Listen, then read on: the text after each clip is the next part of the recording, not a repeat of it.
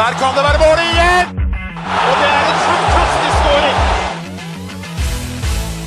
Så kommer den! Vi er våre beste menn. Vi har jo en del vi skal gå gjennom i dag. Skal vi bare, bare kjøre på med episoden vår? Ja, la oss gjøre det. Kjør! Heia Norge. Heia Norge! Heia Norge.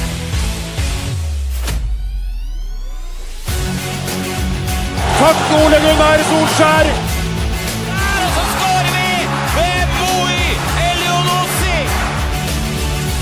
Rekdal skyter i mål! Og Norge leder 1-0! Så kommer den! Det er Tariq Elunussi som har sist på den! Martin Ødegaard! Hjertelig velkommen til alle våre følgere og lyttere der ute til det som er tidenes aller første episode 148 av Våre bestemenns podkast om norsk landslagsfotball. Mitt navn det er Jonny Normann Olsen, og med meg her i studio i dag har jeg hverdagsretten fra Bogerud, Petter Hermansen. Hei, hei. Som eh, er tilbake etter sommerferie. Du, du var ikke med i siste episode før sommeren. Da hadde vi Rasmus Wold som vikar. Eh, men, Ja. men nå er du tilbake. Jeg er tilbake. Det er fortsatt sommerferie, da. Men Ja. eh, det er jo si, hjemmeferie for min del akkurat nå, så da kan jeg være med og spille inn pod, så det er gøy. Og nå kan jeg endelig si det som jeg har hatt lyst til å si i sikkert et halvt år, men det er på tide å si gratulerer med opprykk for ditt kjære Leeds og seriegull. Ah, tusen hjertelig takk. Det er en stor lettelse. Vi, mange av oss har jo visst at dette skulle skje et halvt år, men du har jo spilt, spilt det rolig der. Vært veldig, sittet veldig rolig i, i båten. Men det er, det er sykt deilig at de endelig har klart det. Det er skikkelig skikkelig deilig. Ja. Og så nå liksom, i tillegg da, etter to dager på fylla, slår Derby 3-1. det viser hvor bra det laget faktisk er. Eh, ja, og det blir ganske suveren eh, se, seier da, eh, med poeng. Og nå må du bare få Bielsa på ny kontrakt så fort som mulig. Nå er det siste match i morgen, onsdag, mot eh, Charlton. Charlton kjemper for livet. Mm. Uh, Leeds uh, feirer fortsatt. Uh, så jeg er litt spent på hvordan kampen blir. Men eh, torsdag så skal de sette seg ned, tror jeg, med Bielsa og forhåpentligvis forlenge kontrakten. Ja, For den går jo ut nå hvert øyeblikk, da. Ja, den er, Han er ferdig nå etter sesongen, sånn egentlig. Det er skummelt. Det er veldig skummelt. Ja. eh, men eh, ja, Bielsa er, han er gud, og håper, fortsatt, håper han fortsetter. Du vil ikke gå til seriestart med, med Neil Warnock eller eh, David Moyes eller eh, Nei, altså- en av de gutta der. Pochettino er jo ledig, da, så det, det, er, jo, det er jo muligheter der. Leeds er jo i Premier League nå, eh, er etter hvert, og, og da er jo mulighetene mye eh, Altså, og Bielsa er jo eh, som en far for Pochettino, så ja, hvem vet? Vi vil se Bielsa-ball i Vi, Premier League. vi vil det. Vi vil det. Torstein Børgo derimot, rabagassen fra Raufoss, han glimrer med sitt fravær i dag. Han uh, er ba stuck and bound på Toten hele sommeren. Igjen. Ja, Det er, han, er, han er glad i hjemstedet sitt, altså. ja da, men det, sånn, skal, sånn skal det være. Ja. Men det er jo heldig at vi har fått veldig finfint besøk her i dag. Da. For, for andre gang i 2020 så har vi fint besøk, og det er fra podkastverden. Det er jo fra podkasten Toppfotball, og det er primus motor Martin Roppestad som er med oss i dag. Eh, God kveld, Martin. God kveld, en ære å få lov til å komme hit. Ja. En, eh, ja, rett og slett. Det det er, på denne eh, siden igjen. Ja, det er um, Det er litt over syv måneder siden du var her sist. Eh, Det var helt i starten i januar. Da snakket vi varmt om at vi gleda oss til seriestart og alle de tingene her. Og ingen av oss visste helt hva som kom til å vente oss i 2020 med dette koronatullet. Da. Så eh, hvordan har 2020 vært for Martin Roppestad hittil, sånn koronamessig? Det har vært, eh, som for veldig mange, lang venting. Og det, så er det fortsatt litt sånn Vi er litt i en limbo. Vi venter fortsatt at breddefotballen skal begynne. Eh, barn og ungdom venter på fotballen. Det er litt sånn eh, jeg, jeg klarer ikke helt Eller eh, jeg, jeg tror at hvis jeg begynner å irritere meg mer enn jeg gjør, så blir jeg litt gæren. Ja. Så jeg må, jeg må tone det ned litt. Men, eh, nei, men det har vært frustrerende å vente. Eh, jeg syns alltid at vinteren er lang. Eh, nå har det vært uh, grusomt. Men jeg syns det er det, det som uh, Så kom serien endelig i gang. Det var noe vanvittig forløsende. For meg så Jeg er ikke såpass gal at jeg ser færøysk fotball. Det er liksom norsk fotball. Jeg må se på lag som jeg bryr meg om. da Eller en serie som jeg bryr meg om. Men, men da det kom i gang, så syns jeg faktisk at det funka over. Jeg hadde veldig lave forventninger til stemning og disse tingene her. Men jeg syns at klubben har gjort en god jobb med å få inn de som synger, og de som lager litt liv. Så nå høres det jo faktisk ikke ut som det er en treningskamp, og det er litt fint. Jeg fikk litt skrekken etter å ha sett litt Bundesliga, hvor det var eh, tyst. Så nei. Det har, vært, eh, det har vært et rart år. Og spesielt for, for podkasten din, og toppfotball, som eh, Den er jo stort sett aktiv. Dere, har jo vinterpause, dere også. Eh, Absolutt. Når det er vinter og sånne ting. Og det er klart at nå ble jo vinteren seks måneder lang. Um, så var det utfordrende da for å planlegge podkaster, med tanke på hvordan, uh, hvordan både mars og april og mai endte opp med å bli? Ja, du kan jo Det er jo liksom I starten så fyller du det litt med litt sånn covid-innhold, og så blir du så lei av det, og folk, gidder, eller folk er lei av å høre om det. Så man gir opp det litt. eh, Og så finner man jo alltid Du kan jo kikke Vi, vi begynte å kikke i historiebøkene. Begynte å kåre de, de beste spillerne fra hver enkelt klubb fra 2000 til 2009, blant annet. Så eh, holdt vi på med det fram til vi begynte. Eh, Så du kan jo alltid, finner jo alltid noe gull å snakke om. Det samme er jo sikkert med dere som er med landslaget også. Det er, å, det er nok å ta hvis det står litt stille. Men, eh, men det er noe ekstra nå vi kan snakke om de dagsaktuelle ting. da. Og så ble det, Jeg merket også at det ble utfordret for dere bare det hele tatt å få produsert en episode. For eh, dere endte jo opp med å spille inn hver deres kant via, via Skype og de tingene der. Ja, så det var jo kanskje som resten av samfunnet en sånn god læring eh, som vi jo God erfaring som vi tar med oss videre. Det gjør at eh, nå har vi for så vidt alltid mulighet til å spille en episode. Så er det best når vi gjør det i studio. Da blir det best lyd og disse tingene her. Men, men nå kan vi fortsatt sitte på hver vår kant, og det kan funke. Eh, og så er det en eh, ja, det er alltid Det, det blir litt annen stemning når man sitter, sitter face to face, sånn som man gjør her, da, selvfølgelig. Ja, og som du sikkert legger merke til, vi tar våre forhåndsregler her i, i Bestemenn Studios også. Vi sitter Absolutt. jo sitter en meter fra hverandre, hver vår egen mikrofon og alle de tingene her, Så vi, vi gjør det vi kan, så veldig glad for at du tok tid til å komme og prate med oss i dag. Veldig hyggelig. Vi må jo, før vi går videre, vi, vi tar noen, noen kjappe landslagsnyheter. Du var innom det før vi begynte her, Petter. Det er jo en, en tidligere landslagshelt eh, i Lars Bohinen. Som, eh, vel, la oss være ærlig, har hatt bedre, bedre sesongstarter med klubber enn det han har hatt i år. Hva er det som skjer på, på Color Line? Ja, det hadde man hatt svar på det. Eh, Det er derfor jeg spør deg, da. Ja, ikke sant. Eh, det, jeg, jeg så dem jo mot, mot Vålinga. Eh, da leda de jo 2-0. Eh, Og det var vel litt sånn klassisk eh, Vålinga, de hjelpeløses hjelper og, sånne ting. Men da hadde de en plan om å, sånn som jeg så det, tidlig innlegg på han eh, svære spissen var Frid Jonsson. Eh, som, eh, som, som skapte problemer, og han skåra jo to mål. Eh, så, så de, de traff jo der, da, men så plutselig så er det et eller annet som skjer der. Fordi de, eh, de går litt opp i liminga på 2-0. Altså selv på 2-1 Stokke reduserer til 2-1, og så på 2-1 så kjører Ålesund da alle mann i angrep på en corner. Og så kontrer Vålinga inn 2-2. Eh, og, og det har vel vært litt sånn gjennomgangsmelodien. Jeg så også analyse på det nå da de tapte for Stabæk. De gjør så utrolig mange grove defensive feil. da Eh, og når du da attpåtil ikke skårer nok mål, så, så blir det jo eh, Så står du igjen med da tre poeng, er det ikke det de har? Eh, og så tror jeg bare Lars Bohin er en ganske sta mann, og er veldig tro til den måten uh, han, altså, å spille fotball på. Da. Uh, og spillerne også går ut og sier det at uh, dette her skal vi snu sammen, og vi har uh, ståltro på dette her. Så spørsmålet er jo liksom skal man på en måte holdt på å si, tweake litt på formasjon og system og sånne ting for å, for å få noen eh, poeng her? Eller, eller skal man prøve å være tro mot dette her og bare håpe at det snur? Det er utrolig vanskelig det der. Men det er jo spesielt defensivt. Det, det skurrer voldsomt for Ålesund-sesongen her Nå- De har vel passert 30 baklengs eh, for ganske lenge siden. Martin, du, du ser sannsynligvis like mye eliteseriefotball som det, som det vi gjør. Eh, Hva, hva tenker du om det de driver med der oppe? Det er litt Jeg, jeg, jeg føler jeg har sett, sett dette litt før. Du har lag som feier gjennom eh, Obos-ligaen og rykker opp. eh, og så kommer de opp et nivå, gjør noen forsterkninger, eh, men så sliter de litt. Fordi de Det er mulig det er en litt overfladisk analyse, men, men det handler om litt sånn Når du ser på sånne lag som altså, måten Mjøndalen gjorde det på, måten Viking gjorde det på da de rykka opp De måtte slåss litt for poengene også innimellom. Ålesund var Ålesund feide gjennom serien. Um, og det altså, har litt med spillestil å gjøre. Da. Den med, det er andre lag som har en litt mer sånn oppofrende spillestil, som, som uh, i Eliteserien Hvis du skal gå ut og dominere alle kampene på måten som Ålesund gjorde i Obos-ligaen, så, så, så må du være mye bedre enn det Ålesund er. Det er ikke noe dårlig lag. Overhodet ikke. Men å spille den fotballen som du gjorde i Obos-ligaen, og praktisere den videre i Eliteserien, tror jeg ikke det er gode nok for. Nei.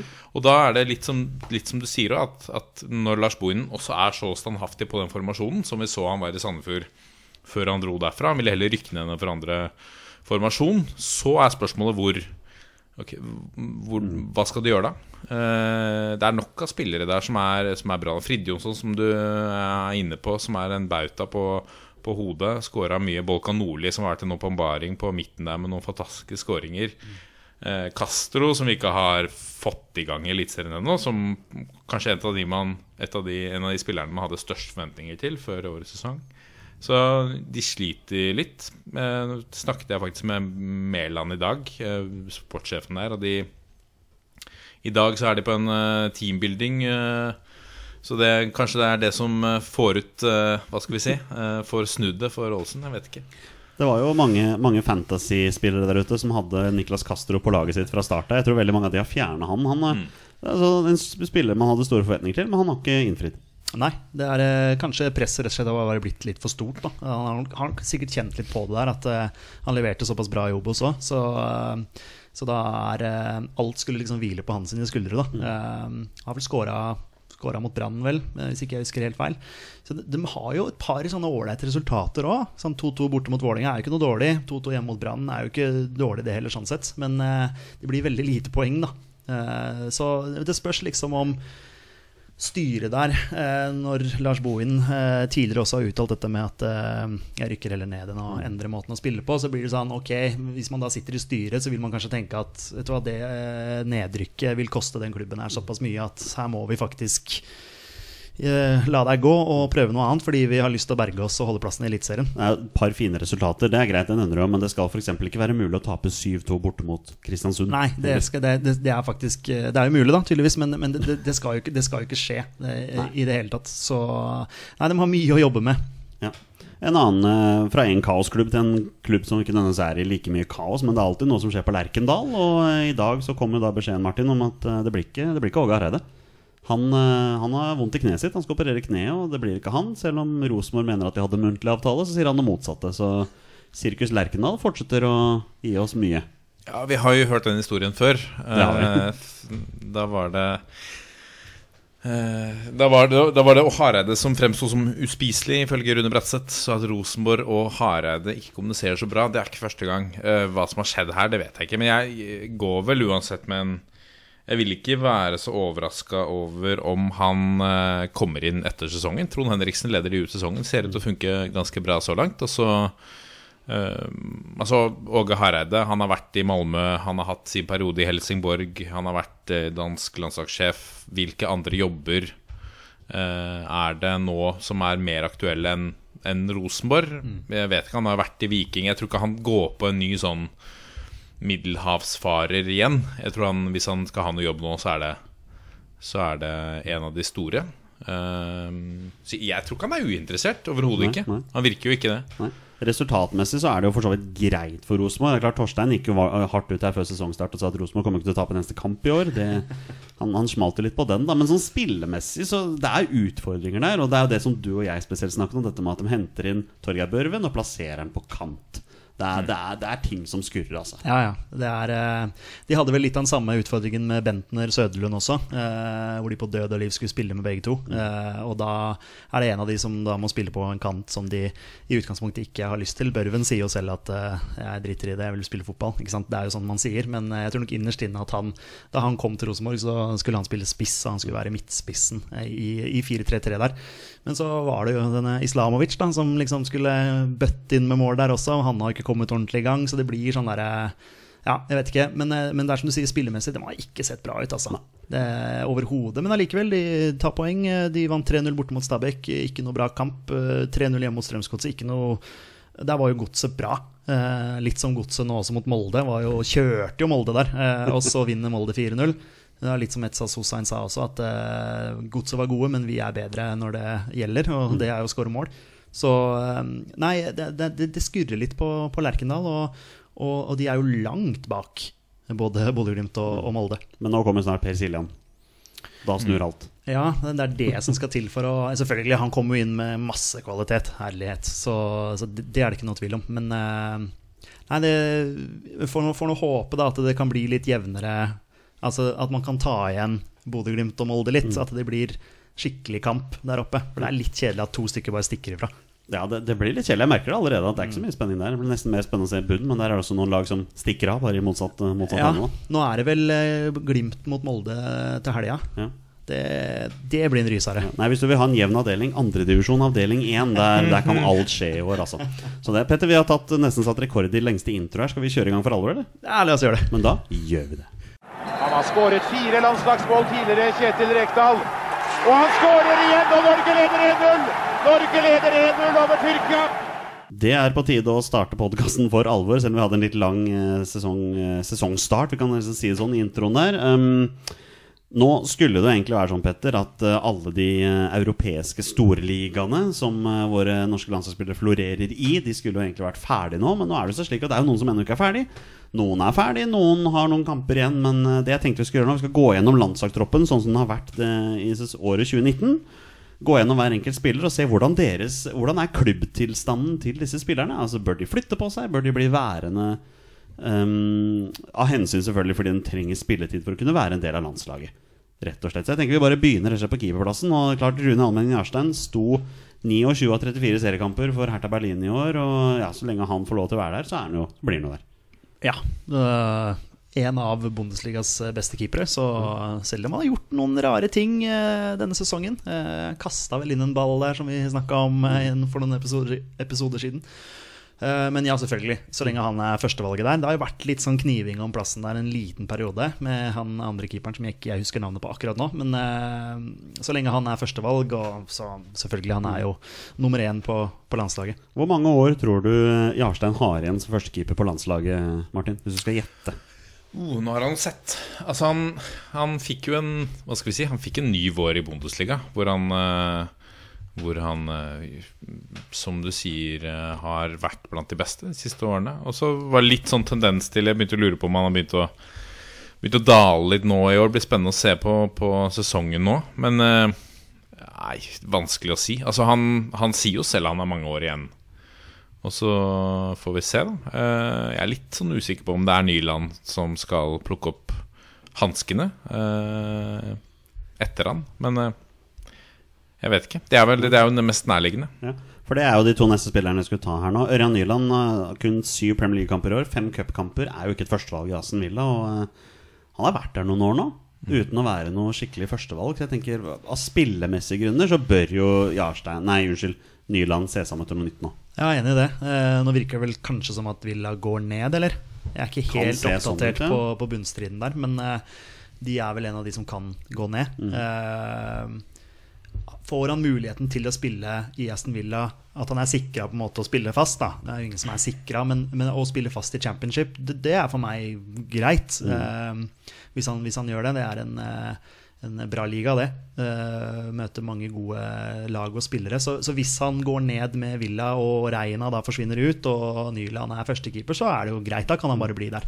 Ja, jeg ser liksom ikke for meg han Jeg prøver liksom å se for meg hvor han skulle stått i mål i Premier League. Eh, jeg syns for så vidt han har gjort det ok når han har fått muligheten, men eh, det er kanskje ikke Ørjan Nyland liksom Premier League-klubber ser på og tenker hm, han skal vi ha som vår førstekeeper. Det er vel kanskje en grunn til at Reina da, som nesten er pensjonist, eh, blir henta inn der. Eh, for å da ta over den første keeperplassen Da. Så jeg kan se for meg han fast i championship, absolutt. Eh, får han en fast plass i championship, så er det helt fint for landslaget sin del. Og hvis han ikke får sjansen der, så kanskje Nederland, kanskje Belgia, Ja, ja, noe sånt. absolutt. absolutt Eh, Det er mange ligaer der ute som han definitivt kunne gjort en god, god jobb i, men det spørs om Premier League kanskje er litt, litt for høyt. Altså. Kanskje. Så har vi tredjekeeperen på landslaget. Da. Det er jo Sten, Grytebust. Eh, dro til FC København før den sesongen her. Var jo en av seriens beste keepere der, han også. Men har akkurat som Ørjan Nyland henvist til benken flere ganger i år. Kun 14 kamper i år i serie og cup for, eh, for eh, FC København. Som henta en annen keeper i tillegg, da. Som endte opp med å bli førstekeeper. Men, men Martin Steen Grytebust blir aldri førstekeeper på norsk landslaget. Det må vi jo si. Ja, jeg har ikke Altså med all respekt for det han har gjort i Danmark, han har vært veldig solid. Men han har aldri på en måte slått gjennom på landslaget. Han har alltid vært et sånt Hva skal vi si Et tredjevalg, andrevalg ish. Eh, og nå har han ikke alderen heller. Altså han, Keepere kan jo bli gamle, de. Men, eh, men jeg tror vel og håper at vi har keepere som holder et høyere nivå. Eh, nå vi, hvis han i tillegg sitter på benken i Superligaen, så da må vi sikte litt høyere. Vi, vi venter jo alle på å se når Sondre Rossbakk tar, tar steg i utlandet. Og hvor Han har liksom snakket om at han blir den neste keeperen. Nå, jeg. hvor lenge er det? Man har snakket om Viljar Myra, man har snakket om uh, Det har vært mange navn som har liksom vært nevnt uh, i den diskusjonen der. Nå snakker de litt om Kristoffer Claesson. Man er liksom veldig tidlig ute Mm. på å liksom melde at dette kan bli neste nye landslagskeeperen. Men mm. Sondre Rossbakk tror jeg ikke det blir. Nei, vi hadde jo Even Barli vi høyt oppe en, en periode. Nå er han andrekeeper i Ranheim i første sesjon. Ja, stemmer. Så det, det, det, ting snur fort, det snur altså. fort. Du så jo Anders Kristiansen også, sant? Ja, ja. Eh, som vi også snakka veldig høyt om i, i poden her. Og så forsvant han til belgisk Han er fortsatt i Belgia. andredivisjon. Ja, Eh, Med mindre de rykka opp. Det er faktisk ja, ikke sant? Så han ble det veldig stille rundt også. Så eh, nei, vi, vi, vi, vi har snakka om det før. Vi sliter litt på keeperplass. Vi gjør det. Ja. Men, men jeg syns jo Klasen har vært bra i år, da. Et Ja. par tabber selvfølgelig, men Ja. totalt totalt jeg han har gjort mye bra. Ja da, uh, han er ung, eh, og, og det har jeg sagt hele veien også. At uh, jeg håper at man satser på han eh, og bestemmer seg for det. Og så vet man at unge holdt på å si, mennesker generelt i livet Man gjør feil, eh, men man må lære av feilene sine. Og han eh, kommer til å bli en veldig veldig god keeper. Han er allerede en god keeper, men han har mye å gå på enda. På, på, på høyrebekk da, på, på landslaget så har vi to herremenn i Omar Labdelawi og Jonas Svensson. Begge to fast i sine klubber. Omar nettopp seriemester i Olympiakos. Eh, Jonas Svensson herjer jo i Aset Alkmaar, men det er vel snakk om at i hvert fall Omar skal flytte på seg og kanskje prøve noe nytt her nå. Det har det vært snakk om, ja. Ja, men, men så lenge de får spille til begge to, så er det jo ingen grunn til at noen av de skal flytte nødvendig på seg. Nei.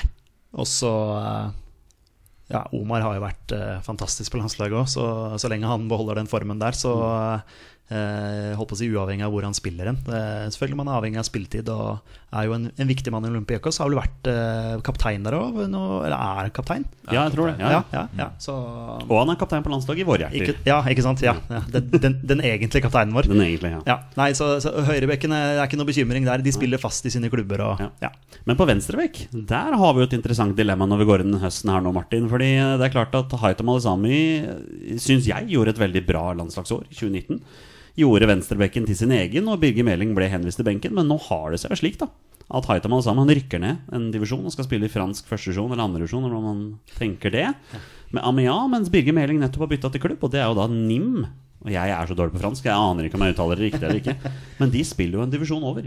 Så hvis Birger Meling nå ender opp med å spille fast for, for dette franske laget, vil du da tro at Birger Meling tar over den plassen på landslaget?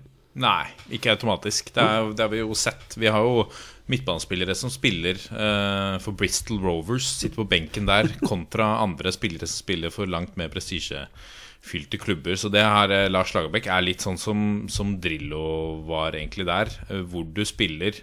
Um, har nesten, nesten eh, for, for noen av de faste, det så vi mye med Drillo, var at det spilte nesten ikke noen rolle hvor godt du gjorde det i Eliteserien. Hvis du hadde prestert på landslaget de tre-fire siste kampene, så var det inneelveren uansett. Mm. Um, så, så det jeg tror jeg spiller mindre rolle. Vi har jo sett, vi har jo sett litt varianter. Altså Man hentet jo inn Bjørn Mars Johnsen som et sånn ubeskrevet blad, uh, uten at han kanskje hadde liksom herja like Men man var litt usikker på nivået hans. Så kom han inn, gjorde en god jobb på landslaget, og da var han med uansett. Nesten uh, i en periode der. Uh, Haitam Al-Sami har jo sagt at han ønsker seg bort. Han vil ikke spille league død. Uh, så det antar jeg at eh, hvis agenten hans er på jobb, så, så, så jobber de med en ny klubb for han. Ja. Jeg vil anta også at det er flere der som er interessant Altså, han er interessant for flere klubber. Leeds var jo inne i bildet på Haitam før han dro til Amia. Det vet du jo, det har jo Haitam sagt sjøl. Ja. Så eh, ja, Premier League. Ja, jeg tar gjerne Haitam på, på venstrebekken, jeg, altså. Hvem er han må tanke ut da? Er det, er det Det Ailing? er Barry Douglas Ja. eller Stuart Dallas, alt ettersom eh, hva Bjelsa kokkelerer Ja, med. ikke sant, ikke sant. Du, eh, En lytter av oss, Olai Årdal, han lurer på da om eh, Anders Tronsen kan ta plassen til Meling som venstrebekk på landslaget. Har jo plutselig eh, blitt en bra venstrebekk. Han, eller, altså, han er jo venstrebekk i utgangspunktet. Det var det, denne, hele den sagaen med at han ikke ville spille venstrebekk. Mm. Han ville høyere opp, men så har han kanskje skjønt at skal han spille for Rosenborg nå, så må han spille venstrebekk. Han har gjort det ganske bra òg. Kommer jo rundt på sida der og fått noen eh, assist. Mm. Så eh, har vel til og med skåret mål òg. Ja, det tror jeg. Tror han skåret mot Glimt, tror jeg, hvis ikke jeg husker helt feil. Jeg så Rosenborg satte inn på Edvard Takseth som venstrebekk her i en kamp også. Jeg gjorde det jo, ja. eh, ja. ja eh, Ja, men at han, at han er aktuell fordi han spiller for Rosenborg eh, Ja. Det, ja, men han, jeg syns han har gjort det bra, jeg. Men du, du vil ha han inn på landslaget? Nei, det vil, det, det vil jeg ikke. Men at han er aktuell, at han liksom er en som eh, Larsemann kanskje følger litt med på, det kan jo godt hende. Selv om Ja. han i utgangspunktet ikke følger med på Eliteserien. Nei. Er det noe som er utenom hevet over hvert tvil, så er det at vi har noen utfordringer på det sentrale forsvaret her på landslaget. Eh, vi kan jo begynne med den som er mest obvious. Eh, det er jo Kristoffer Ayer, og det er positivt forstand. 49 serie- og cupkamper for Celtic denne sesongen her har vært en bærebjelke der i flere år, men nå må han bort. Nå er det på tide å komme seg bort. Og nå snakkes det AC Milan. Eh, selv om de nå henta Simon Kjær. Det snakkes litt grann om Leicester med Rogers der. Det nevnte jo jeg for to år siden, så var jeg liksom på det. Men eh, Martin, Kristoffer Ayer, det Celtic-eventyret bør vel kanskje gå mot slutten nå? Ja, det har vi, vi har også snakket litt om det i, i podkasten. Jeg tenker det viktigste for han er å spille fotball. Mm. Uh, altså Gå til Milan, sitte på benken der. Det er ikke noe god idé i det hele tatt. Dette er jo veldig sånn standardsvar, selvfølgelig, men det er helt reelt. Eh, for Kristoffer Ayer så får han, hvis du ser bort fra altså Den skotske eliteserien er eh, Eller skotske Premier League, da, som jeg lærte meg forrige gang jeg var her. Heter. Eh, den, den er jo kanskje et hakk eller to over Eliteserien, eh, men det er ikke sånn kjempehøyt nivå. Men den erfaringen du får eh, å spille foran 50 000-60 000 på Celtic Park eh, Du skal ikke kimse av det eh, heller. Og mulighet for å spille i Europa, disse tingene her. Spille fast, få liksom heltestatus, være en markant skikkelse. Er viktige ting for en ung fotballspiller. Kontra å begynne å risikere karrieren med litt benker og sånn. Jeg tror du skal være veldig bevisst på hvilke valg han tar nå. Og så er det vanskelig da når det kommer klubber som Milan, og skal du liksom begynne å si nei. Um, nei, jeg, jeg, jeg, vet, jeg ville Ut fra hva jeg har hørt så langt, eh, så ville jeg jo ønsket at han ble i Celtic, for da vet vi ok, vi må i hvert fall ha én stopper som vi er trygge på, som, som spiller hver uke. Ja, for det er jo resten av stopperne på landslaget her som er et stort spørsmålstegn nå. Sånn som jeg skrev der, Tore Ginesen er jo bankers på Rosenborg. Han kan gå til Milan. Han kommer til Milan, ja, men han, nei, han går fort til Celtic, for der har han en høy stjerne. Ja. Etter at han skårte det målet i Europa for, eh, for to år siden. Men han er jo 34 år, og han legger opp snart. Det vet vi jo. Han har jo snakket om det sjøl også, men han er bankers på landslaget. Men så har vi de andre, da. Even Hovland har vært på landslaget noen steder. Jeg mener ikke at han bør være et alternativ engang på, på landslaget. Sigurd Rosted har kun 16 kamper for Brøndby i år. Um, veldig lite spilletid der, eh, men kanskje han skal være litt mer tålmodig og se hva som skjer i Brøndby. Håvard Nordtveit har kun 11 kamper for Hoffenheim i år. Han gir, seg, gir seg vel på landslaget nå? Ja, det gjør han jo kanskje også. Ja. Så der ser du, da. Vi har et midtstopperproblem på landslaget. Men så har vi en mann sånn som Leo Kiri Østegård, som vi har snakket mye om. Nå er jo han ferdig i St. Pauli, mener jeg bestemt. Han er vel, skal vel tilbake til Brighton. Brighton, han er har ett år igjen av kontrakten sin. Ehm, spilte nesten alt for St. Pauli i år. Det eneste var når han var skada eller hadde noen suspensjoner. Og Det er klart, Det var ikke en bra sesong for St. Pauli, men han fikk spille en hel sesong i andre Bundesliga, som også er et høyere nivå enn norsk eliteserie. Det må jo være ærlig å si. Men, men skal vi begynne å dytte han inn på landslaget nå, eller skal vi gå for noe av det trygge til høsten? Skal Tore Reginiussen fortsette å spille? Skal Sigurd Rosted være den mannen på benken? Håvard Nordtveit gir seg kanskje. Even Hovland skal jo ikke være på landslaget. Nei, Hovland eh, kom vel inn en eller annen match her hvor han faktisk gjorde det ganske bra. Var det Spania-kampen? Ja, det kan stemme. ja Men da tror jeg vi ble litt blenda alle sammen.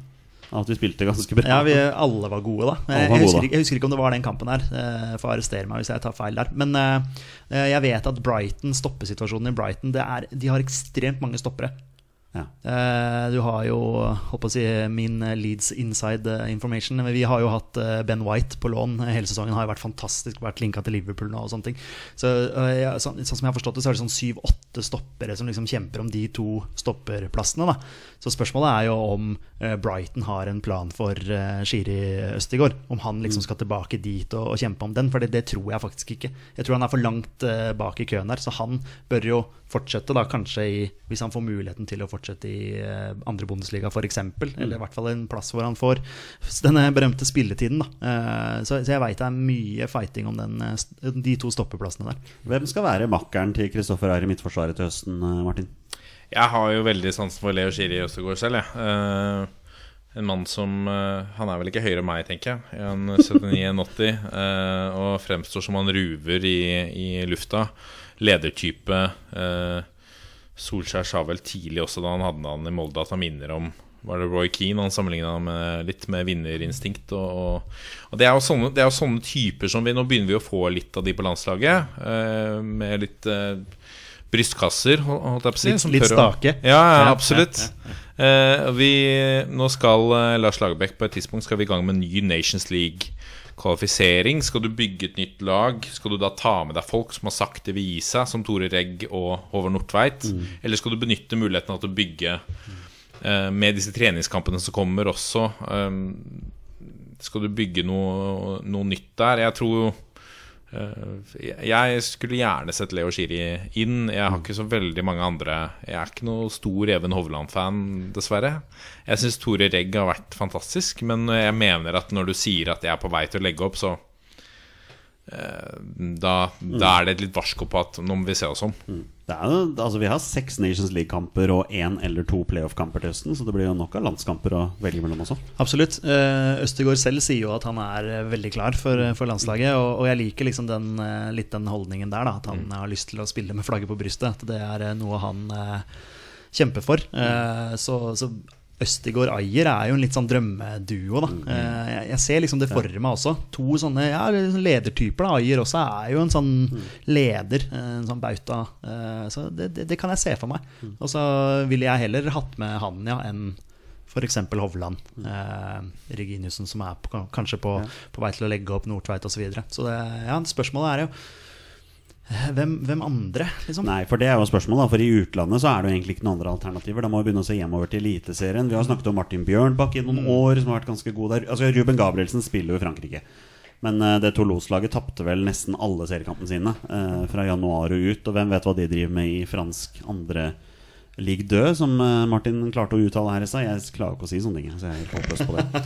Men ikke sant, Martin Bjørnbakk, hva, hva er det noen andre alternativer? Jeg vet at mange snakker om Marius Lode, men jeg klarer ikke, ikke se for meg han som en, som en landslagsspiller. Nei, ikke, ikke enda. Vi er, jo, vi er jo veldig voldsomme på å liksom hause opp uh, spillere fordi de har prestert bra i åtte-ni kamper. Eh, det, det, det gjør man jo. Alle skal jo inn på landslaget. Hele Bodø-Glimt skal jo på landslaget nå, har jeg skjønt. Ja, jeg tenkte du skulle ta det litt på slutten her, Ja, ja. på potensielle nye Eh, spillere. Så Men, eh, men ja, det er, det er tynt. Eh, I hvert fall nå når det er eh, flere som er på, på utgående, hvis du kan si det sånn. Eh, så, så jeg mener at det er på høy tid da, allerede i neste tropp, å ta med Østegård, i hvert fall. Men det er klart det er vel kanskje på tide å begynne å diskutere litt forandringer også på midtbanen. på, på landslag her Og Du var innom navnet så vidt her i et lite hint til Bristol. Du sa Bristol Rovers, men jeg drev med Bristol City du mente. Ja, ja. Um, Markus Henriksen. Verkebylen på landslaget, nesten. kan man si sånn Han blir bare 28, vet du. Ja. Men han er klubbløs. Uh, blitt observert på Lerkendal. Stjal vel en av de 200 billettene, så du fikk lov til å bruke der. Eh, Men eh, han er 28 år, han skal ikke tilbake til Rosenborg nå. Han må bli værende i utlandet. Men så er det dette med spilletid. Han får jo ikke spille uansett hvor han er, tydeligvis. Nei, det gikk eh, skeis i høll, og det har gått skeis til slutt også i Bristol City. Det var noe som skjedde der. Det var ja. uh, det, Nå var det en spillere der som ha- had, had to get with the program, eller et eller annet sånt. noe Han var en av de, ja. Manageren mm. uttalte der, og da var jo Henriksen en av de, da, som tydeligvis ikke fulgte si, retningslinjene, eller hva, hva det var for noe. Så kom på kant der, tydeligvis, Mm. Uh, og er jo ferdig der. Så han er jo han er klubbløs, eller er Han, han på transfermarkt, som jeg har lært meg å bruke etter kjefting fra Torstein og Petter her, så der står han 'without a club'. Ja, ikke sant? Han må jo selvfølgelig finne seg en klubb. Eh, Det kan være en start der, ja. Det kan være en start. Eh, og så handler det jo igjen om igjen eh, til det kjedsommelige spilletid. eh, Mm. At man har en plan for, for deg. Eh, kommer jo med uansett, han. I Ja, trapp, ja, på, på landslaget får han å spille uansett, Martin. Selv- Så han, han er jo der. ja. Det, Ja. det ser sånn ut, Ja, vi lar det ligge der, vi, og så går vi videre. Uh, Ole Selnes har vi venta litt på. Nå vet jeg at sesongen i Kina starter nå på fredag. Så blir det spennende å se om han fortsatt er spilt i der. Laget hans, uh, Shenzhen FC, eh, rykket jo opprinnelig ned, men pga. noe tull der borte, så beholdt de plassen. Så han er oppe i toppdivisjonen der. Det blir spennende å se om han får spilletid der. Um, Sander Berge spiller jo fast på laget for Sheffield United. Selv om det starter litt trått, så har han jo spilt seg litt opp der også. Eh, Mannen vi skal snakke om det, som skal være der, Martin Ødegaard, selvfølgelig fast på laget. Og selv om det har vært litt dårlig det siste her nå, så må vi ikke glemme det han gjorde før jul heller. Altså hvor han var en av de best rangerte spillerne i ligaen der. Hvis det er spillere jeg har lyst til å snakke om som kanskje skal ut, så er jo denne Stefan. Det er jo Slefan, da. Stefan Johansen. Ja, for nå, Det er jo for øvrig veldig veldig spennende. Eh, Championship eh, avgjøres jo i morgen. eh, Og Fulham er jo et av de lagene som kan rykke direkte opp. Mm. Det er jo så jevnt der mellom andre, tredje og fjerdeplassen da, per nå. Eh, Så alle de Det er jo da West Brom, Brentford og Fulham som kan knipe den andreplassen, så det blir spennende. Men han har jo aldri slått helt til i Premier League. Han har aldri vært Når han har fått muligheten der, så har han liksom ikke vært god nok. Han har vært en bra championship-spiller, men i Fulham så har han jo vært veldig inn og ut av laget og i championship. Han har vært på banen i 32 kamper for Fulham i år. Han har kun spilt 9 90-minuttere. Eh, og siden januar så har han stort sett vært på benken. Ja. Og um, det er kapteinen vår på landslaget vi snakker om her. Altså. Det, det kan være på tide å komme seg bort. Ja, kanskje han er en sånn spiller som hadde hatt godt av å komme hjem. Allerede, ja? tenker du? Ja, ja. Men bare for å liksom jeg, jeg, jeg, Det er dette med spilletiden, da. Ikke sant? Altså, Det er det vi sitter og til en, ja, men komme til en klubb som du på en måte blir satsa på, da. Hvor du, hvor du spiller 90 minutter. Mm. Uh, jeg jeg syns det er en uting uh, at du da spiller uh, 50 minutter her, 20 minutter her osv., så, videre, så spiller du liksom 90 på landslaget. Sånn som Mm. Henriksen også holdt på. Så han spilte, hadde jo ikke spilletid i klubben i det hele tatt, eh, og så spilte han 90 for landslaget. Eller, eller han, han, han orka jo ikke 90. Det var jo det som var problemet sant? Mm. Lagerbäck ville ha ham på banen i 90, men han orka det jo ikke. Han holdt jo ikke 90, for han hadde jo ikke kampform i det hele tatt. Eh, Så det, det, for meg blir det en sånn uting, da. Så jeg, Mm. jeg ser jo heller at Stefan Johansen f.eks. Uh, går hjem, da. eh, går hjem, eh, drar hjem. Spiller for Bodø-Glimt, da, eksempelvis. Eh, ja, han, har, han har jo spilt der før. Strømsgodset. eh, og spiller 90 minutter og er med på landslaget. Da syns jo jeg han forsvarer en plass, selv om Lagerbäck da ikke eh, tar med eliteseriespillere sånn utenom Rosenborg-spillere sånn i utgangspunktet. Men Spør- Spørsmålet er jo litt hvor på banen han skal spille på landslaget. da Ja, vi kan ikke ha en indreløper som høyrekant og en Nei, nei. midtbanespiller som venstreback eh, i Anders Tronsen. Da, da, slutt, Nei, men, men, Tronsen, slutter men. Tronsen kan spille venstreback. Ja, ja, det er I utgangspunktet. Vi, vi må. Nå må vi liksom passe på rollen her. Det, er, det her har vi surra med så mange år på landslaget. Ja, ja, ja, Per ja. Siljan og Jeg er helt enig. Jeg er helt enig i det. Martin, hva syns du om Mathias Nordmann? Ah, en fantastisk spennende spiller. Mm. Eh, litt synd eh, for det norske publikummet at han måte Den russiske ligaen står ikke så høyt i kurs her, så vi får ikke fulgt med han så godt. Men han viser jo i de eh, innhoppene han har, at her er det Dette er klasse. Eh, og det var vel Lars Lagerbäck ute og sa også, at han har imponert på, på samlingene. Så det er en spennende mann. Det som er positivt med at han er i Russland, er at han får tydeligvis tillit. Han markerer seg, han er litt stjerne. Eh, så det er jo veldig bra, det. Um, så, så sånn sett, hvis du snakker om om han skal gå eller ikke, så lenge han får tillit, og det er decent, og han utvikler seg som fotballspiller Og eh, det er- én seriekamp igjen i, i Russland, ser jeg. Han spiller for Rostov, som vil ligge på femteplass. De kommer til å ta minst femteplass. Da blir det kvalifisering til Europaligaen. Det er det det blir. Det kommer ikke noe høyere enn det. Kan for øvrig gratulere Zenit med 15 poengs ledelse på seriegull der, da. Så de, de, de tar den, da. Nei, men eh, det er klart, Mathias Nordmann nådde ikke opp i våre beste menns kåring av de topp eh, 20 beste spillerne her. Det fikk vi mye hets for på, på Twitter, så eh, Ja, og det, jeg la meg i hvert fall flat. Ja. eh, fordi at eh, du la med- deg flat på vegne av våre beste menn. Ja, men med litt mer research i ettertid. Ja. Eh, det er jo det de går på. Det er som Martin sier her. Eller Roppis, som jeg egentlig sa jeg skulle kalle det. Eh, det er som Martin sier her, at eh, du, du får ikke fulgt godt nok med på den russiske ligaen. Så, så ærlig må man jo være. Eh, men jeg, men eh, da jeg da gikk inn og leste litt om han, så sa han at både vært kåra til månedens spiller, fått eh, Man of the Match-priser osv. Og, så han, og han er en viktig mann på midten for, for Rostov. Så selvfølgelig. Og den russiske ligaen er, ganske, er rangert ganske høyt òg, sånn som jeg har, har skjønt det. Mye høyere enn det vi var klar over. Ikke sant? Ja, er Litt dårlig research på den topp 20-kåringa Ja, der. Han kommer kom med neste gang. Men, men jeg, eh, han må bare bli der, eh, fortsette utviklingen, eh, spille fast. Og så kommer han sannsynligvis til å spise seg inn på en fast plass på landslaget. For det lille jeg har sett av ham på landslaget, da har jeg blitt sånn wow, han har ja. noe ved seg, noen kvaliteter der som, som jeg liker. Det er, Fikk en fin målgivende borte mot Romania også. Absolutt, absolutt. fin, ja. Så, nei, så, så har du en sånn som Fredrik Midtsjø, da som ikke akkurat har grepet muligheten når han har fått den på landslaget. Men han er fast på laget. Aset Alkmaar eh, er rangert som en av ligaens beste spillere i Nederland der. Han skal jo være med i troppene. Han skal være med i troppene. Men ja, det er som du sier, han har liksom aldri overbevist meg når han har fått muligheten på, på landslaget. Nei. Det er liksom Det er et, et eller annet som mangler der. Men Martin, nå til høsten. Mm. Er det ikke på tide å begynne å få Morten Thorsby inn i elveren til det norske landslaget? Ja, det er jo på overtid, spør du meg. Nå Ja. spiller han i, i, i Serie A, så nå kan man ikke snakke om at ja, æresdivisjon spekulerer i nivå osv. Han har eh, levert på, på det nivået også over lengre tid. Eh, det er en, også en fantastisk fyr å ha i en gruppe. En, en veldig sosial eh, og litt merkelig type, er det mange Mil som sier. miljøbevisst så til de grader. Ja, ja, ja. Flyr jo ikke eller noen ting, han. Kjører bil, han.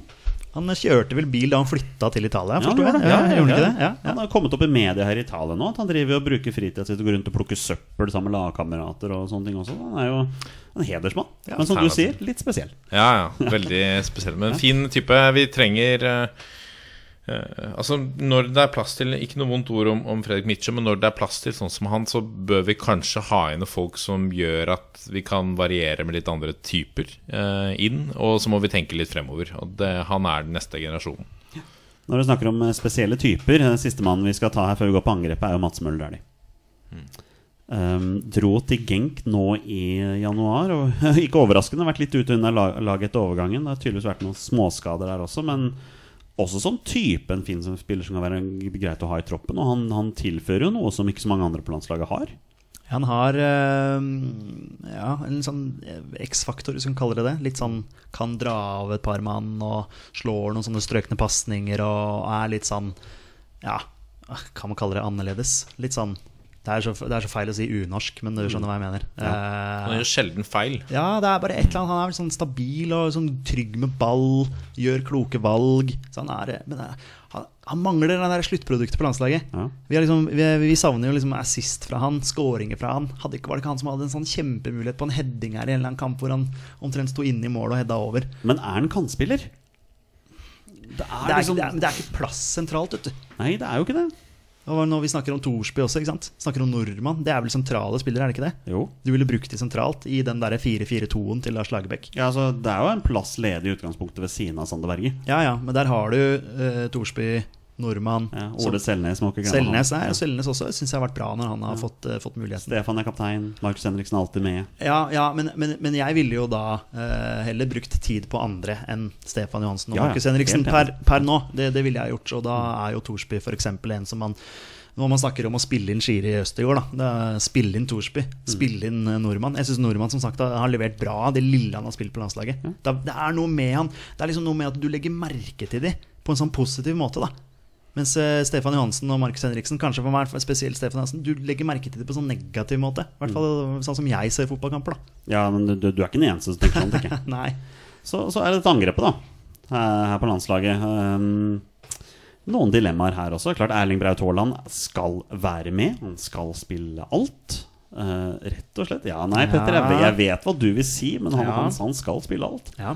Men, men er det på tide å pare han sammen med Alexander Sørloth? Nei, de to skal ikke spille sammen. Du syns ikke det? Nei, jeg synes det, de, For meg blir de for like.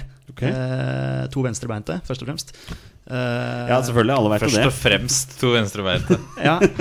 Nei da, men det, det har egentlig ikke noen ting å si. Men det er jo litt sånn Jeg tuller litt med Jonny, fordi eh, Jeg, kan, jeg vet ikke bein. han veit ikke hvilke bein folk bruker. Jeg syns det er veldig sånn essens, essensielt da, å vite liksom, hvilken eh, fot de har. I hvert fall når man spiller Fifa. Um, jeg syns selvfølgelig Joshua King er førstevalg uansett. Eh, nå spørs det jo med Bournemouth her. Ja, for hva- for- de kan vel gå ned, har jeg skjønt. Jeg tror kanskje de gjør det, og det ser jo veldig mørkt ut for Det, dem. det har jeg skjønt. Men hvis de går ned, hva gjør Joshua King da? han blir ikke i Bournemouth. Nei. Nei, nei, nei. Han har ambisjoner om Champions League-fotball.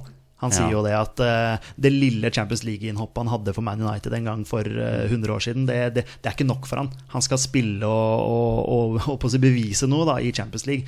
Da kan ikke han spille championship-fotball for Bournemouth. Men hvem skal han spille for, da? Manchester United er jo utelukket nå, så de må hente Igalo Ja. isteden. Ja.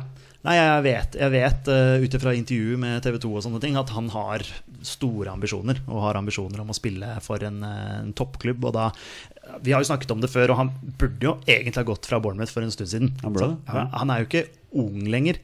Hvor, hvor gammel er han? han? Han nærmer seg 30? Eller? Han blir 30 i år? Ja, ja, gjør han det? Okay, kan det ja. stemme? Jeg skal sjekke det. Ja, kan ikke du gjøre det? Fordi det er på tide nå. Han har gjort det veldig bra i Bournemouth og vært en, eh, en viktig mann for Bournemouth. Men hvis de går ned nå, så er det i hvert fall på tide å komme seg vekk. Han blir faktisk Han, er, han blir bare 28 år, altså. Så Han har- blir 28 år. Han er 28 i år, Ja, ja. så han har noen år igjen. Nærmer seg 30. Det Hva tenker du om Joshua King, Martin? Jeg så det var noen som uh, trakk fram Sheffield United som et, uh, bra sted for han å gå at de savner, trenger en spiss som uh, er litt som King. Um, Det har vært en kul overgang. Den hadde jeg likt. Ja, ja, absolutt. absolutt. De har jo hatt, eh, håper å si for å sammenligne det, Billy Sharp da, som en sånn eh, litt sånn rask eh, spiss. King er jo også det. Rask og sterk. Eh, kanskje han kunne passa bra inn der. Absolutt. For meg er sånn Joshua King slår meg som sånn typisk Everton-signering. Det, er- det er sånn, det er sånn Ja. spiller som Du ser for deg en klubb som Everton henter en sånn fyr. Ja, nei, det, spør, det spørs altså, jeg, jeg, tipper, jeg tipper i hvert fall at Joshua King ser eh, muligheten nå for å forlate Bournemouth og har lyst til å gå til en klubb som spiller Europa. Om det er Europaliga eller Champions League, det er, kan, jeg vet ikke om hvor nøye det er, men jeg tror han har lyst til å på en måte bevise noe i, i en av disse europeiske ligaene, nei, cupene. da. Det var liten tvil om at han ble skuffa når han ikke dro til Manchester United i januar. i hvert fall Det- det, det skjønte man jo. Det var en stor skuffelse for han. ja. Men la oss se bort ifra Erling Braut Haaland, Joshua King og Alexander Sørloth. De er jo med. Sørloth snakkes om nå til Napoli og sånne ting. så blir Han er linka overalt. Han er linka overalt ja, ja. Men ja, sånn blir det jo når du leverer. Han har jo vært eh, brennheit. Men det er tre spisser, og vi vet at på landslaget skal vi gjerne ha med en til. Eh, Bjørn Mars Johnsen spiller jo ingenting for eh, serielederen i Sør-Korea, Ulsan Hyundai. Det er klart det er vanskelig når de spiller med én spiss og førstevalg på topp er en brasilianer med 15 mål på 12 seriekamper i år. Da, da blir det vanskelig å få mer spilletid. Tariq Elenossi han spiller jo for så vidt greit for Shonan Belmare i Japan. De ligger nest nederst, og det er i Japan, og det er Tariq Elenossi. Så det er liksom sånn Men hvem andre? Ola Kamara er gjemt bort i USA akkurat nå. Diomande Ja, Diomande er gjemt bort i USA akkurat nå. stille Ja. rundt. Hvem er den mestskårende nordmannen i Eliteserien akkurat? Jo, det er Amal Pellegrino. Ja, han har jo vi, Han han er- har jo vi tatt ut på landslaget her, men Han eh, skal ikke på landslaget. Nei, det er jeg helt enig i. Ja. Men eh, ja, nei, det, er, det er tynt der. Og, og Bjørn Mars Johnsen, for å ta han, har jo veldig tynt grunnlag. Eh, vi snakker litt om dette her med at ja, han har prestert ok på, på landslaget. Men jeg, jeg, jeg mener jo det at et landslag da, da må du ha prestert noe på klubblaget ditt. For det skal være på en måte grunnlaget for at du i utgangspunktet blir tatt ut i en tropp. Da. Eh, og det er ikke sånn at du tenker at Bjørn Mars Johnsen har vært sånn Wow, når han har spilt på landslaget. Ja, han har skåret noen mål. Ja, ja, Han skårte et eh, 100 meter offside-mål mot Sverige. Han skårte eh, to mål borte mot Færøyene. Så ja, han har, han har levert. eh, absolutt. Eh, har skåret noen mål. Men, men det er ikke sånn at du blir blenda når han spiller. Det er ikke sånn at du tenker at wow, er- han er så viktig for oss. For det er han ikke. Martin, hvis du hadde vært norsk landslagstrener, og så skal du ta ut en tropp til første kamp nå i september, du skal ta ut fire spisser, og vi vet at du tar ut Braut Haaland, Joshua King og Alexander Sørloth, hvem blir fjerdemann i din tropp? Eh, Det blir nok ikke eh, Bjørn Mars, fordi den rollen fylles nå av eh, Braut Haaland og Sørloth. Det så vi veldig tydelig. Og så ser vi veldig tydelig rollen til Bjørn Mars har vært på landslaget, i hvert fall eh, altså de siste kampene. Ikke de helt siste, men var det mot Sverige, der hvor han satte inn på både Mars og Sørloth og begynte å slå langt. Så det, det var veldig godt for meg å se også at du har en landslagssjef som har en tanke bak. Altså Han er tenkt til å slå oss langt på og slå oss innlegg på, men der har vi alternativer nå. Så en litt annen spisstype enn de vi har. Jeg er også litt enig i at Sørloth og Braut Haaland kan bli litt like. Um, samtidig så er det veldig spennende å se to sånne typer mot eh, litt fysisk svakere motstand. Må ikke Eh, glemme at Braut Haaland er dritkjapp på det. Ja, ja, ja. Nei, det, det, det er helt sant. absolutt. Stusse, Sørloth stusser gjennom eh, Haaland der. Eller Haaland stusser igjen seg sjøl. Ja, Ta igjen, ta igjen ballen, han. Ja. Nei, jeg ville kanskje sett det litt uh, Altså, hvem vet, da? eh, Om Torgeir Børven nå begynner å dunke inn kasser for, for Rosenborg. Er det på tide at man ser han på den, den scenen der? Det er en, i hvert fall en annen type. Litt mer sånn dukke-opp-spiss. Avslutter innafor Kynisk avslutter innafor mål. Litt annerledes enn de andre, kanskje. Um, Det er jo ikke sånn at det gror spesielt godt i de yngre rekker akkurat nå heller. Hvis du går inn på U21-landslaget og ser hvem som spilte spiss der altså, De starta med Christian Torstvedt som midtspiss eh, i forrige U21-landskamp, og da hadde de Jørgen Strand Larsen og Ola Brynildsen på benken. Og jeg er veldig fan av Jørgen Strand Larsen, men jeg skal være såpass ærlig å si at han har ikke akkurat fått det til å svinge i, um, i Eliteserien i år. Nei, Han ble jo snakka mye om i fjor også. Eh, fikk det ikke helt til, og blitt snakka mye om i år òg. Har vel bare fått ett mål så langt, tror han er bare 20, da.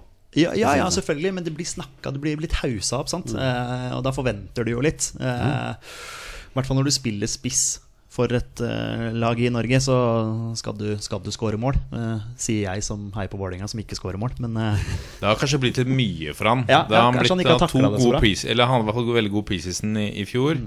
ble store forventninger. Han har selv sagt at det gikk litt i hodet på han. Utlånt til Milan, eller vært prøvespill i Milan en periode. Det kan jo hende de ble litt for mye for en tenåring der på et eller annet tidspunkt. Ja. Vi hadde jo en prat med han i podden rett før sommeren. Eller jeg hadde en prat med han. Og det, det er ikke noe mangel, det er ikke noe mangel på ambisjoner, i hvert fall. Og han har vel fått ganske mye tillit til Sarpsborg. Jeg tror de ser for seg å selge han videre også, men da må han jo begynne å putte noen goaler. Skal jeg klart si Den skåringa han hadde bort mot Sandefjord, var ganske fin. da Ja, ja, Han dempa og fikk lagt den i hjørnet der. Så, men du svarte ikke, da, på hvem du ville ha med Ja, Børven, i, i troppen. Ja, Bør, Ja, i, I mangel på andre alternativer. Altså, top of my head. Det er liksom ikke Det er kanskje ikke så mange andre norske spisser som på en måte åpenlyst banker på den døra. Eh, Jeg tipper Tariq er med fordi han, han, han er anvendelig, og så har han fungert. Han er liksom en rollespiller. Han fungerer Ja, ja, veldig godt ja, Og hvis det ikke er Tariq, så kan du bare fylle på med en ekstra midtbanespiller også. Det, det kan man. Men, eh, men eh, få i gang eh, holdt på å si eh, kvalik til Europaliga da, for Rosenborg sin del. Eh, og få i gang Børven der, hvis han begynner å putte litt der òg. plutselig så blir han jo kanskje mer aktuell. For det er vel det Lagerbäck sier også, at han vil jo at eh, altså, holdt på å si, de spillerne at Det er en grunn til at han tar ut Rosenborg-spillere primært, er jo fordi de har matcha seg mot mm. bedre motstand enn man får i Eliteserien. da Eh, Kanskje jeg har skjønt at det blir bare én kamp i kvaliken til Europaligaen og sånne ting. Kan Jeg det stemme? akkurat det har jeg ikke satt meg helt inn i, men jeg blir ikke overrasket hvis det blir sånn. at, eh, at den bare kjører At man trekker hvem som får hjemmekamp i Ja. kvaliken og sånne ting. Jeg, jeg skal ikke si det helt sikkert, men jeg mener jeg har hørt det. Eh, Jeg er veldig spent på hva Bodø-Glimt får til Europa i år. ja, ja, det blir, blir, de også. blir kjempespennende. Det er synd at Bodø-Glimt ikke har en uh, norsk spiss, da. Nei, det er sant. For de har jo- Junker har ikke bodd lenge nok i Norge til å bli norsk ennå. Junker og Boniface eh, det er ikke, De er ikke norske, dessverre. Nei, og Kasper Junker har aldri skåra flere mål i en, eh, i en sesong i løpet av sin aktive karriere som han har gjort nå. Nei, men, eh, Så det sier jo litt, da. Ja, ja, absolutt, absolutt. Vi, Men- kunne, vi kunne sikkert her snakka en time om Bodø-Glimt også. Ja. Men, per, men, per nå da så tar vi, tar vi med Børven. Bare sånn for å liksom At han Han var jo brennheit i fjor i Eliteserien. Skåra hvor mye skåra 21 mål for Odd eller noe sånt, var det ikke det? Ja, det var noe sånn, ja. Han skåra utrolig mye mål. Eh, Og så har han jo kommet i gang i Rosenborg og har jo skåra. Fra kantposisjon.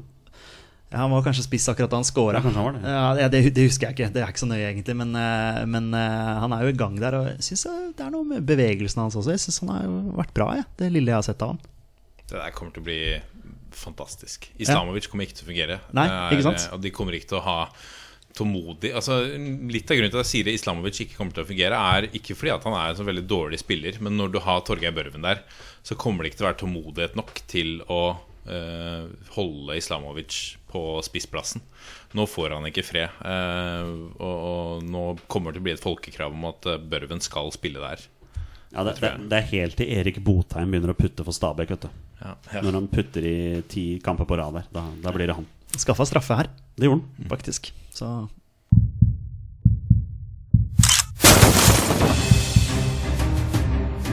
Er han nåværende landslagsspiller? Er han utenlandsproff? Er han fortsatt aktiv? Er han back? Har han spilt for Rosenborg? Mine damer og herrer, det er nå tid for 20 spørsmål.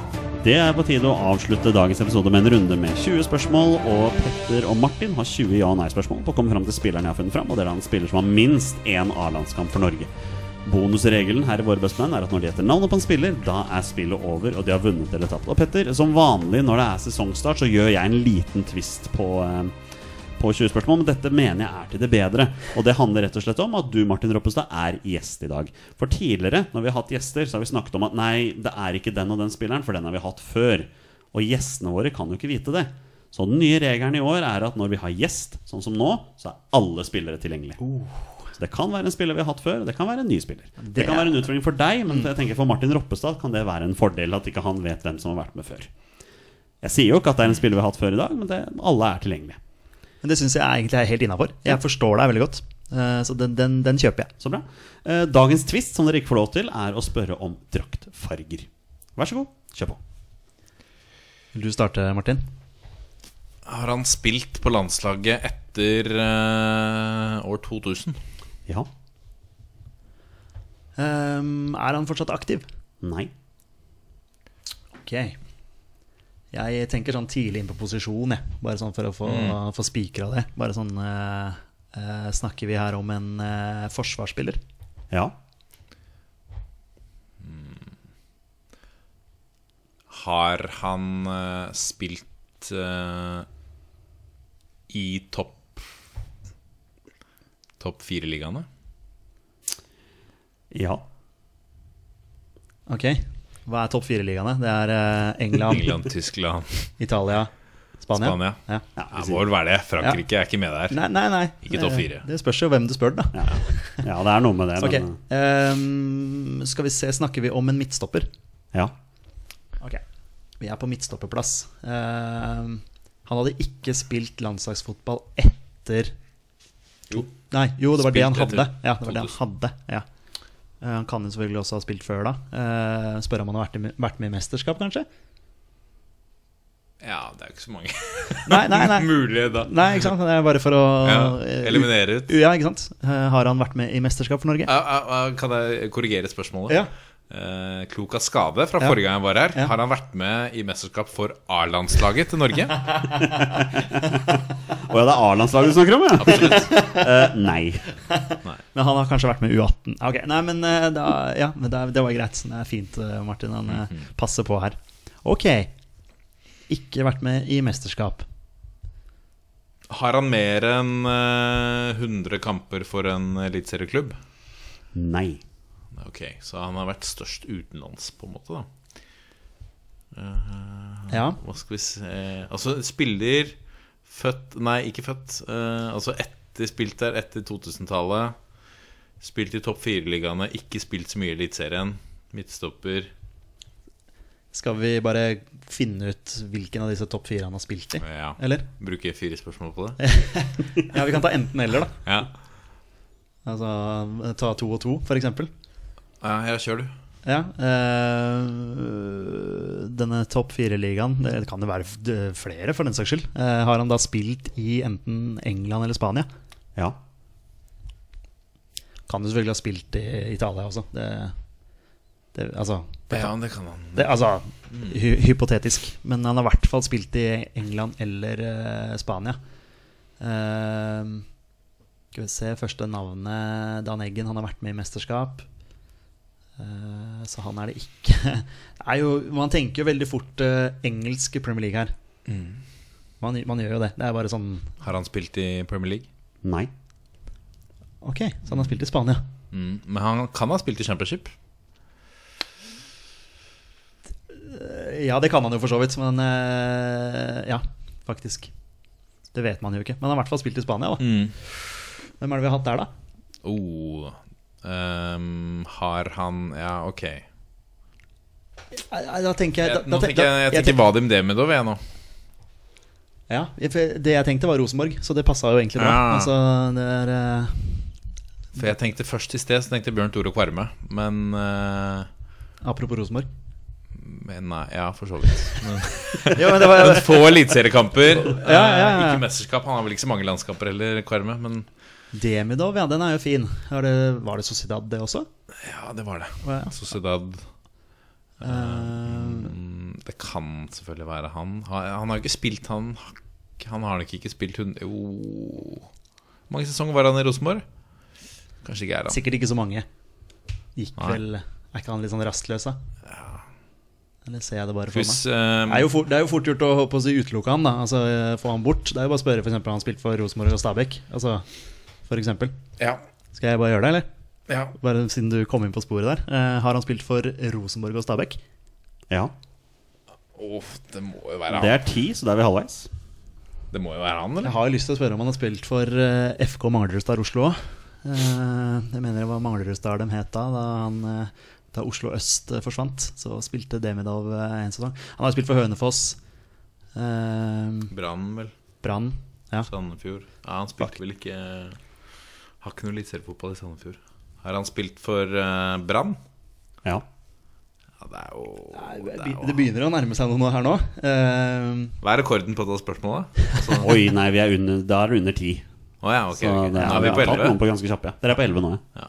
Ja. har vel tatt den på sånn 6-7 noen ganger, hvis man, bare, hvis man har truffet veldig Ja, hvis dere ikke hadde kødda med spørsmålene når Ja, dere vet ja, ja, det ja. er, så kunne dere tatt den litt tidligere. Ja, ja. De er gode på det. Ja, vi, vi pleier egentlig å bruke opp masse spørsmål bare Si- på tull. Sist gang vi spilte 20 spørsmål, så begynte de å kødde, for de visste hvem det var. Og så til slutt, når de bestemte seg for å svare hvem det var, så var det på spørsmål 20. Da kunne vi gått på en blemme, faktisk. Du, sa, du satt og håpa på at vi skulle bare bruke opp spørsmål. Ja, klart det. Klart det, klart det. Ok, eh, Jeg sier det bare fra når jeg kom til ti. Så. Ja, Eh, faktisk. skal, vi- skal vi stille spørsmålet? Du er usikker du òg, ikke sant? Du, du, Ja, men jeg er ikke fordi du sitter og tenker nå Hvem ja, er- andre er det som har spilt Ja, ja. for uh, Brann, Rosenborg, Stabæk og har spilt uh, i uh, topp fire, altså Spania, da. La Liga. Det Det vet vi jo. er, ingen det er Vi kan jo. Kontrollsjekke om det er Real Sociedad vi snakker om her. Har han spilt for Real Sociedad? Den er viktig med den lesbe-f-en. Sociedad. Ja. Eh, ja, Ja, er det Vadim Demidov? gutter. Det er Vadim Demidov. Oh. Det er helt riktig. Bra jobba. Eh, definisjonen på rastløs er nok det du kan si når det kommer til karrieren hans. Hvis du skal begynne med. Han eh, spilte for Sandefjord i 2004, i førstedivisjon. Uh, fikk ikke så mye spilletid der i 2004-2005, så han dro til eh, Manglerud Star og spilte på lån der i 2006. Da spilte han alle seriekampene i første divisjon. Uh, og så ble det ett år i Hønefoss før Rosenborg plutselig kom på banen og henta han. Han spilte tre sesonger der og fikk 79 kamper for Rosenborg der, altså. Jeg ser jeg kunne svart litt riktig, for han fikk 21 kamper i Europa, så han fikk faktisk over 100 kamper for Rosenborg. Men det var ikke 100 seriekamper, da, så jeg får redde meg litt inn på det. Ja, faktisk. Ja. Eh, Etter Rosenborg så ble det to sesonger i Real Sociedad før han eh, fikk én sesong i Eintracht Frankfurt i Bundesliga. Han spilte ikke så mye der. Da ble han lånt ut til Celta Vigo i La Liga, så han har spilt to, for to klubber der. Eh, en sesong i Anzi Makachkala, hvor han ikke spilte veldig mye, for det ble et kaos, før han dro til Brann, da. Prøvde seg på siste utenlandsopphold i Minnesota United, og det endte med tidenes blemme av dimensjoner. Man Han først valgte valgt kaptein, og så vraka helt fra troppen etter tre seriekamper. Så god var han der. Uh, avslutter karrieren nå etter 2019 i Stabæk, og er også gift med Kristina Vukicevic. Som dere også kunne spurt om, men uh, Ja, faktisk er gift med, ja. Ja, Det er ikke det- første du spør om. Nei, det er Det er, det er ikke det. det er Jeg tror jeg har spilt mot han faktisk. da Han spilte i Runar på aldersbestemt. Ja, det ser du. Ja. Mm. Var en lettelse å, å få det til. Du klarte det. Absolutt. Ja. absolutt Ja. Syns du var Vi god, var gode, vi var gode der, syns jeg. Ja, det er, det er, det jeg liker at du sier 'vi'. Det, det, det liker jeg. Ja, du, Eh, du, du setter deg inn i, i gruppa med gjester som har 100 eh, svar, eh, altså riktig svar da, i, eh, i 20 spørsmål, men du er en av de få som har vært med mer enn én en gang. Ja, Så det kan du ha med, ja. ja. Det er vel egentlig bare Det er eh, Carl Petter Løken, og det er Paco. Paco eh, er alltid med. Paco har vært med fire ganger, tror jeg. Yes. Og så Håkon Grøtland. Som faktisk har vært med to ganger. Han også. Så, så celebert selskap der, Martin. Så det. Yes, det er på tide å avslutte. Jeg sier tusen takk til Martin Roppestad for at du tok deg tid til å komme hit og prate med oss i dag. En ære. Ja. Veldig hyggelig. Tusen takk. Er det litt deilig å ikke være den som styrer en podkast i en forandring, og faktisk bare være en deltaker? Du, det er veldig fint. Eh, bare bli stilt spørsmål istedenfor å Ja. stille de selv. Det er veldig ålreit. Altså. Peter, du er jo alltid deltaker, og du kunne ikke tenke deg å styre podkasten vår. Nei, altså Hvis det er krise, så gjør jeg det selvfølgelig. Men eh, du er jo eh, primus motor her, og, og styret har full kontroll. Så jeg, jeg ville aldri tatt fra deg jobben. Det ville jeg ikke. Vi har, vi, har, vi har eh, utdelt roller her i Våre bestemenn. Det har vi gjort for lenge siden. Jeg må for øvrig si at jeg så du bytta profilbilde på oss på Twitter og Facebook i dag til det bildet vi fikk tegnet av Sleivdal. Ja. Veldig kult. Jeg Veldig syns det er på tide å hylle Sleivdal litt der for den fantastiske jobben de gjorde med, med oss tre. Ja, det er helt nydelig. Ja, vi har aldri sett bedre ut. Nei, vi kan kanskje ikke det. Eh, neste uke så er vel tølperen fra Toten, Rabagassen fra Raufoss, eh, han er tilbake. Han sier så. Så ja, igjen Martin, tusen takk for at du var med. Du skal ikke se bort fra at du blir spurt en annen gang også. Ja, det er hyggelig, det. Det er bra. Da gir vi oss som vi pleier. Vi er våre beste menn. Heia Norge. Heia Norge! Hei, Norge. Og hei!